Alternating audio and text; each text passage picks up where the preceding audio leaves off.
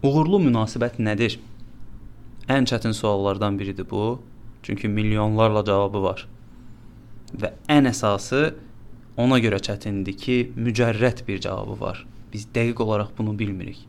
Sən deyə bilərik ki, pul, sevgi, dostluq, bir-birinə hörmət və s. Amma bunların konkret olaraq bir şeyə görə bu münasibət belədir, bir izahı yoxdur. Çünki burada bir mücərrədlik var və biz mücərrədliyin içərisində nəsə cavablar tapmağa çalışırıq. Bax bəzən belə olur. Deyirik ki, əşi zamana burax, zamanla düzələr hər şey. Amma zaman özlüyündə destruktivdir, yəni dağıdıcıdır.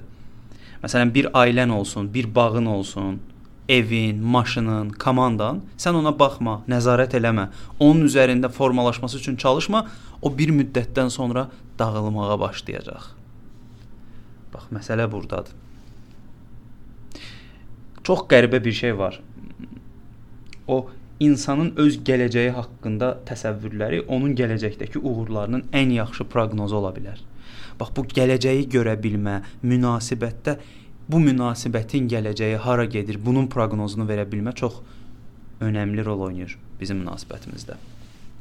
Əlavə olaraq mənim düşüncəmə görə 3 önəmli məsələ var münasibətdə. Bir müzakirə etməlisən, mühakimə yox. Çünki müzakirədə hər iki tərəf fikirlərini açıq və aydın şəkildə deyə bilir. Mühakimədə isə bu yoxdur. Bir də burada önəmli detallardan biri hamımızın keçmişi, indiki zamanı və gələcəyi var. Münasibətlər indiki zamanda qurulanda biz keçmişdəki təcrübələrimizə əsasən qiymətləndirmə aparırıq. Yəni bizə bir münasibət necə olmalıdır? Məsəl üçün ideologiyasını yükləyiblər. Və yaxud kimlənsə münasibətimiz olub, indi yeni bir münasibətdəyəm, onun təcrübəsi, televizordan gördüklərimiz, kitabda oxuduqlarımız, hamısı bu keçmiş üçün bizə bir təcrübə verir. Və mən indiki zamanda həmin təcrübəyə uyğun olaraq münasibətimi qiymətləndirirəm. Və işin ən problemli tərəfi də bax burdan başlayır. Müzakirə yox, mühakimə eləyirsən. Gördüyün bir səhvi xanımda və bəydə deyirsən ki, sən niyə belə elədin? Belə olmamalısan. Sən belə deyildin. Və hər iki tərəf başlayır bir-birini dəyişdirməyə, bir-birinə təsir göstərməyə və bu da o aşınır münasibət, yıpranır. Türk dilində belə bir söz var. Və bunu eləməmək lazımdır. Ona görə müzakirə etməlisən mütləq şəkildə. Mühakimə yox. Lütfən buna diqqət eləyin. Bu çox önəmli məsələdir. Bundan başqa empatik bir münasibət. İnsan münasibət quranda ümumiyyətlə empatik davranmalıdır, empatiya qurmalıdır. Özünü emosional və məntiqi olaraq qarşı tərəfin yerinə qoya bilmə bacarığını formalaşdırmaq lazımdır. Çünki empatiya çox önəmli detaldır. Biz qarşıdakı şəxsi öz fikirlərimizə görə mühakimə edirik. Amma empatiya qura bilsək, onun yerində özümüzü qoya bilsək, çox gözəl onunla münasibətdə o sıxıntıları aradan qaldıra bilərik. Çox çətindir amma bu dediyim asan deyil. Sözdə asan görsənir. Zaten sözdə asan olan hər şey praktikada adətən çətin olur da, o da var. Əlavə olaraq bir məsələni də vurğulayım. Sən tutaq ki, empatik deyilsən. Məsələn, onun bu an nə düşünə biləcəyini özündə formalaşdıra bilmirsən, amma mühakimə eləyirsən. Bu onu daha da sıxır, daha da əzir, sənə qarşı olan duyğuları bastırır və səndən yavaş-yavaş uzaqlaşmağa başlayır.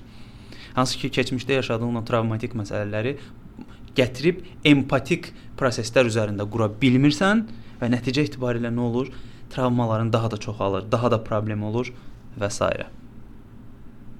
müzakirə etməlisən, mühakimə etməli deyilsən, empatiya qurmalısan və üçüncü əsas məsələ özünü formalaşdırma. Münasibətlər binaya bənzəyir.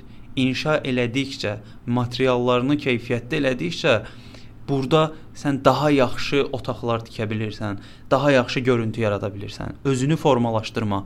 Lütfən xanımlar və bəylər münasibətiniz varsa bir-birinizə sən nəsə deyəndə qarşı tərəf məni niyə dəyişdirməyə çalışırsan? Mənə niyə belə deyirsən? Niyə bunu mənə dedin axı? Deməyin. Bir-birinizi formalaşdırmanız üçün bir-birinizdə əksiklikləri görüb onun üzərində çalışmalısan. O bina inşa olunması üçün mütləqdir ki, sən onu qəbul eləyəsən. Bir mənalı olaraq belədir. Ona görə çox xahiş edirəm bunu yadınızda saxlayın. Bir-birinizi formalaşdırmalısınız. sanki öyrənirik və hər iki tərəf bildiyi şeyi yavaş-yavaş bir-birinə öyrədərək ortaq bir sistem yaradır. Münasibətdə ən önəmli məsələ nə sən dediyin, nə o dediyi önəmli deyil. Önəmli olan ikinizin yaratdığı fikirdir. Bax, bunu bacaran insanlar effektiv münasibət qura bilirlər. Dinlədiyinizə görə təşəkkür edirəm.